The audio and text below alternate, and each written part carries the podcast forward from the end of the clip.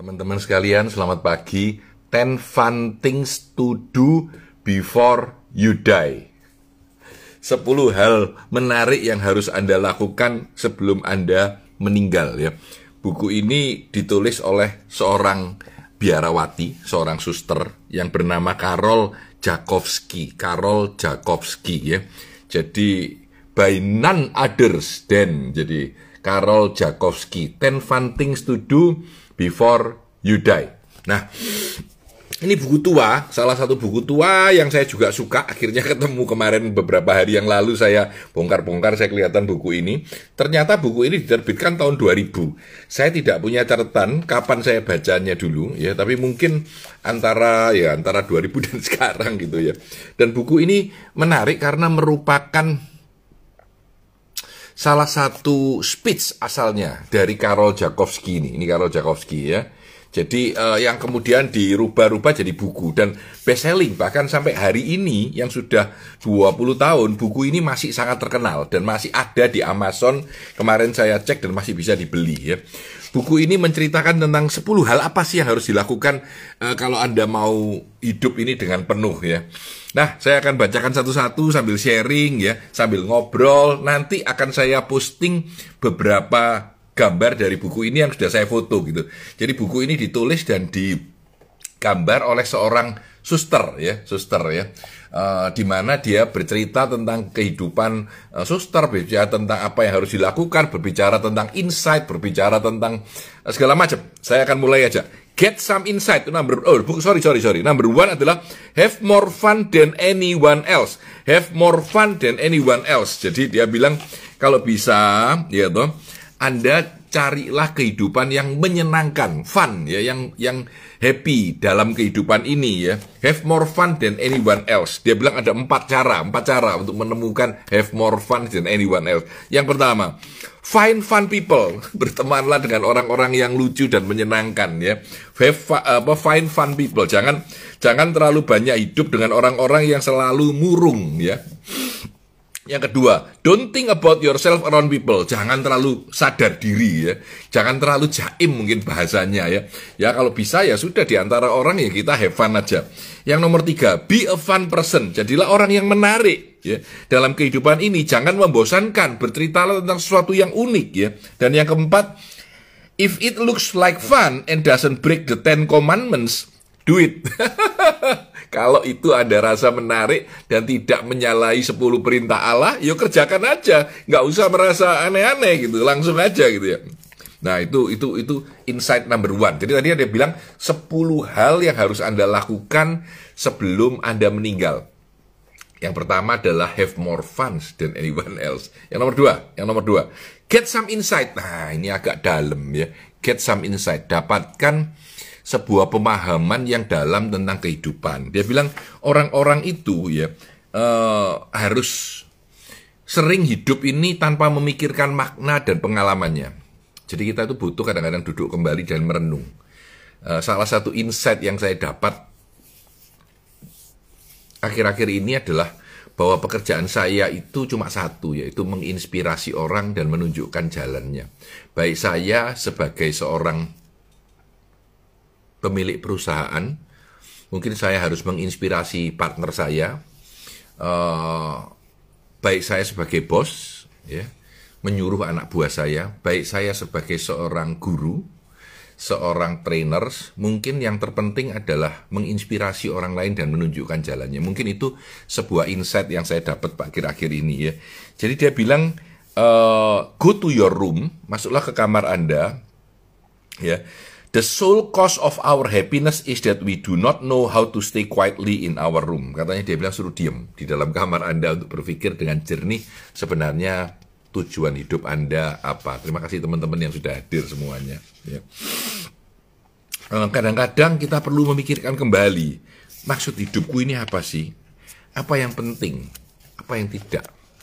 Insight mana yang kira-kira perlu buat saya? Itu itu itu uh, yang kedua. Yang ketiga, get some depth. Get some depth. Ini sebenarnya nyambung dengan nomor dua. Dapatkan sebuah kedalaman. Dapatkan sebuah kedalaman. Ya. Jadi sebuah kedalaman itu uh, bagaimana kita masuk ke dalam diri kita. Dia bilang ada tujuh hal yang Tuhan inginkan. ya. Jadi uh, tujuh hal yang Tuhan akan lakukan gitu ya. Yang pertama katanya membuat kamu menunggu. Ya. Uh, yang kedua menenangkan ketakutanmu, menunjukkan langkah-langkah hidupmu, membuat kamu tertawa atau berkedip. Dia bilang begitu ya. Uh, membuat kamu mampu melewati kesulitan yang ada, ya. Membuat hidup ini menjadi menarik dan set you free. Membuat kamu terbebas dan terlepas. Ini menarik. Tujuh hal yang a good God will do. Gitu. Terus dia bilang, seven things a good God won't do. Tuhan yang baik tidak akan melakukan. Satu, menghilangkan rasa sakitmu. Kedua, membunuh atau melukai orang. Ketiga, menyerah. Keempat, membosankan kamu dengan hidupmu. Kelima, menipu berbohong. Keenam, meninggalkan kamu sendirian. Dan ketujuh, apa pun yang kamu inginkan. Artinya tidak boleh apa pun yang kamu inginkan bisa dapat gitu ya. Jadi dia bilang get some depth. Coba carilah pendalaman. Baik Anda sebagai seorang uh, Nasrani ataupun seorang yang beragama lain ataupun seorang yang tidak beragama. Dia, dia bilang word for non-believer. Jadi sama saja dia bilang itu.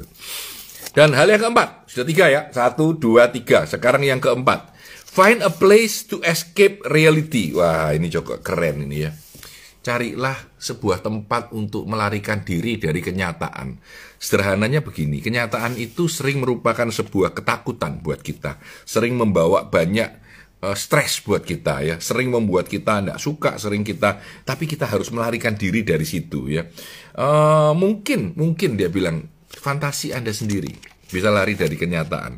Mungkin ya uh, apa namanya menulis, menulis hal-hal yang unik-unik.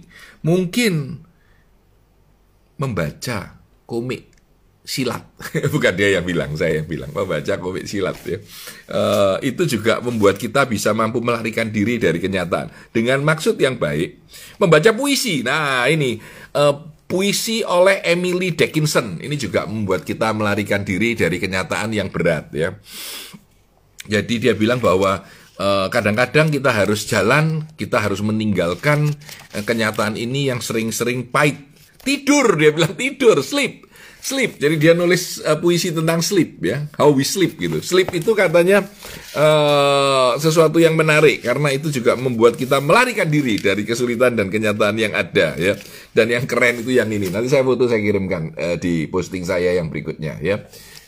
Dia bilang mandi di bathtub dengan air yang panas ya dengan bubble dan menikmati. Dia bilang there must be quite a few things that a hot bath won't cure. But I don't know many of them. Wah, tulisan Sylvia Pat dia bilang bahwa mandi air hangat itu uh, menyembuhkan segalanya. Hanya sedikit yang tidak bisa sembuh. Dan saya tidak tahu apa yang tidak bisa sembuh. Jadi kalau ada sumpek, mungkin boleh dicoba. Oke, lari yang kelima. Ya. Write something at the end of every day. Wah, ini sulit ini ya. Write something at the end of every day tulislah sesuatu yang pendek atau apa pun uh, setelah hari itu lewat ya jadi pada akhir hari artinya berjurnal lah berjurnal lah ya jadi uh, penting untuk bisa menulis kembali dan mencatat. Dulu saya punya kebiasaan ini, ya, menulis sesuatu pada akhir hari, membuka agenda dan menulis sesuatu di catatan di hari itu. Sekarang sudah tidak lagi tapi dia bilang bahwa uh, tulislah sesuatu pada akhir dari hari itu. Lari yang keenam. Nah, lucu. Think about nuns. Pikirkan tentang biarawati. Ya. Lucu ini. Ini lucu. Ini juga kacamata yang sangat unik. Dia bilang bahwa uh, biarawati itu punya cara hidup dan punya uh, model yang menarik, yang menarik ya. Dan mereka melihat dunia ini dengan kacamata yang berbeda ya. Uh, menarik sekali ya. Salah satu yang lucu yang menurut saya unik itu adalah gambaran bahwa mana? Bentar ya, saya lihat ya. Ada gambaran. Dia bilang bahwa baju biarawati ya, baju biarawati fashion ya, itu didasarkan pada apa yang tidak gatal ketika dipakai. lucu banget, lucu banget ya, ya. ya. Sorry, nggak bisa nggak bisa reverse masih flipnya masih rewel ya. I base my fashion sense on what doesn't itch. Fashion saya itu adalah baju yang tidak gatal. Lucu banget. Jadi menurut saya ya, ya itulah itu. Jadi bagaimana kesederhanaan ya. Dia bilang beberapa poin. Yang pertama, setiap biarawati itu diperlakukan yang sama. Apakah Anda pimpinan atau Anda bawahan atau Anda top itu sama ya. Yang kedua dia bilang ya, uh, biarawati tidak tertarik untuk menjadi menikah. Ya, ini tentu sesuatu yang cukup uh, kontroversial dan cukup uh, natural di dalam kehidupan seorang biarawati. Tulisannya ya, no boys ya gambarannya anak-anak yang yang uh, ini. Yang ketiga, biarawati mendengarkan kepada Tuhan lebih dari siapa pun. Ya, itu juga cukup uh, deep thought ya ada satu kata-kata yang unik banget ya. Ini dia bilang the simplest and most effective way to sang titi is to disappear into the background of ordinary everyday routine. Cara terbaik untuk hilang, menghilangkan diri adalah lari dari semua kesibukan dunia dan diam. Ah, Menarik, menarik, menarik ya. Oke, lari yang ketujuh, lari yang ketujuh. Make yourself interesting. Nah, make yourself interesting. Make yourself interesting. Buatlah diri Anda itu menarik ya. Punyai diverse group of friend, teman-teman yang beda-beda. Dua, kerja buatlah kerja itu menjadi sesuatu yang unik dan menarik. Ini yang saya lakukan. Kantor saya unik, hidup saya menarik di kantor ya. Saya cat seunik se se se mungkin ya. Itu juga sesuatu yang menarik ya. Dia tulisannya ini dari quotes-nya Catherine Graham. Quotes-nya bicara gini, to love what you do and feel that it matters, how could anything be more fun? Ya. Ketika Anda mencintai pekerjaan Anda, ya, dan merasa bahwa itu bermanfaat untuk banyak orang, bagaimana lagi sesuatu itu bisa lebih menyenangkan dalam hidup ini? Ya. Lalu dia bilang, educate yourself, belajar lagi, belajar lagi. Nah, ini ada yang unik. Dia bilang, take sides, jadi memihaklah. Jangan adil untuk semua orang. Dalam hidup kita perlu untuk memihak. Ya. Oke, itu nomor 7. Jadi 1, 2, 3, 4, 5, 6, 7. Nomor 8. Live alone for a while. Cobalah hidup sendirian untuk beberapa saat. Dia bilang hidup sendirian itu bisa menemukan diri Anda, damai Anda, ya. Dan Anda bisa mendengarkan suara-suara luar dan apa yang bermakna buat diri Anda sendiri, ya. Jadi dia bilang bahwa e, cobalah, ya, bagaimana menemukan versi diri Anda yang paling unik, ya. Cobalah untuk melihat kembali, lihatlah kehidupan dari kacamata yang berbeda. Ini ada banner yang lucu, banner ini tulisan banner ini adalah to walk around inside yourself. Berjalan di antara diri Anda sendiri, di dalam diri Anda sendiri, and meet no one for hours, dan tidak menemui orang lain dalam berjam-jam. Is what you must attain adalah sesuatu yang harus Anda dapatkan untuk bisa menemukan. Dari uh, quotes-nya Rilke, Rilke ya, ini banner. Jadi ini uh, hal yang berat untuk hidup sendiri adalah it's a hard work, hidup yang susah. Ya. Kedua, sometimes it's more stressful, lebih menekankan kita. And sometimes it's very lonely. Ya. And sometimes it's very expensive. Jadi, uh, menurut dia, menurut dia, ya perlu kadang-kadang kita untuk sendirian, ya, hidup beberapa saat untuk merasa uh, merasakan kehidupan ini dari kacamata individual. Oke, okay. yang kesembilan, yang kesembilan, treat yourself Ya, treat yourself, enjoy yourself. Jadi makan yang enak, layani diri Anda sendiri, makan kue yang enak, ya, e, nikmatilah hidup ini, ya.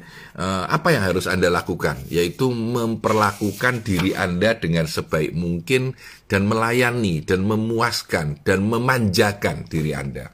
Itu yang kesembilan. Dan yang terakhir, live like you have nothing to lose. Live like nothing, you have nothing to lose. Hiduplah seperti Anda tidak memiliki hal yang mungkin Anda kalah. Dia bilang gitu ya. Dalam hidup ini, uh, sebenarnya kita nggak ada yang kalah gitu. Ujungnya juga sama. Kita pada ruang dua kali tiga meter yang abadi. Ya. Jadi ya ini mungkin sama dengan esensi yang saya tulis akhir-akhir ini banyak di posting saya ataupun di ruang kerja saya. Carpe diem, hiduplah sepenuhnya. Ya. Uh, atau kalau dalam bahasa yang agak keren, terbakarlah gitu ya, tuh. habiskan gitu ya. Uh, hiduplah seutuhnya. Ya, mungkin itu yang ke-10.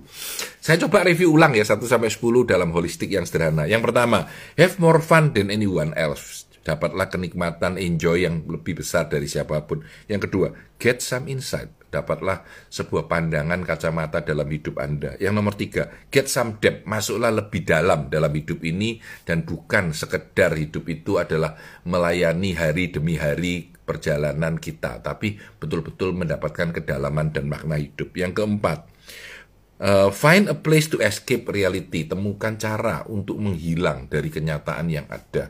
Yang kelima, dia bilang, write something at the end of every day. Menulislah sesuatu pada setiap akhir dari hari. Yang keenam, think about nuns. Berpikirlah cara hidup seorang Berawati yang unik. Ketujuh, make yourself interesting. Buatlah diri Anda itu menarik dan fun dalam kehidupan ini. Dan yang kedelapan, cobalah hidup sendiri untuk beberapa saat ya. Yang kesembilan, treat yourself, manjakan diri Anda ya, senangkan diri Anda. Dan yang terakhir, live like you have nothing to lose. Hiduplah seperti Anda tidak mempunyai hal apa pun untuk bisa kalah. Jadi hiduplah sepenuhnya ya. Ten fun things to do before you die. Saya Tanah Santoso, sukses selalu untuk Anda.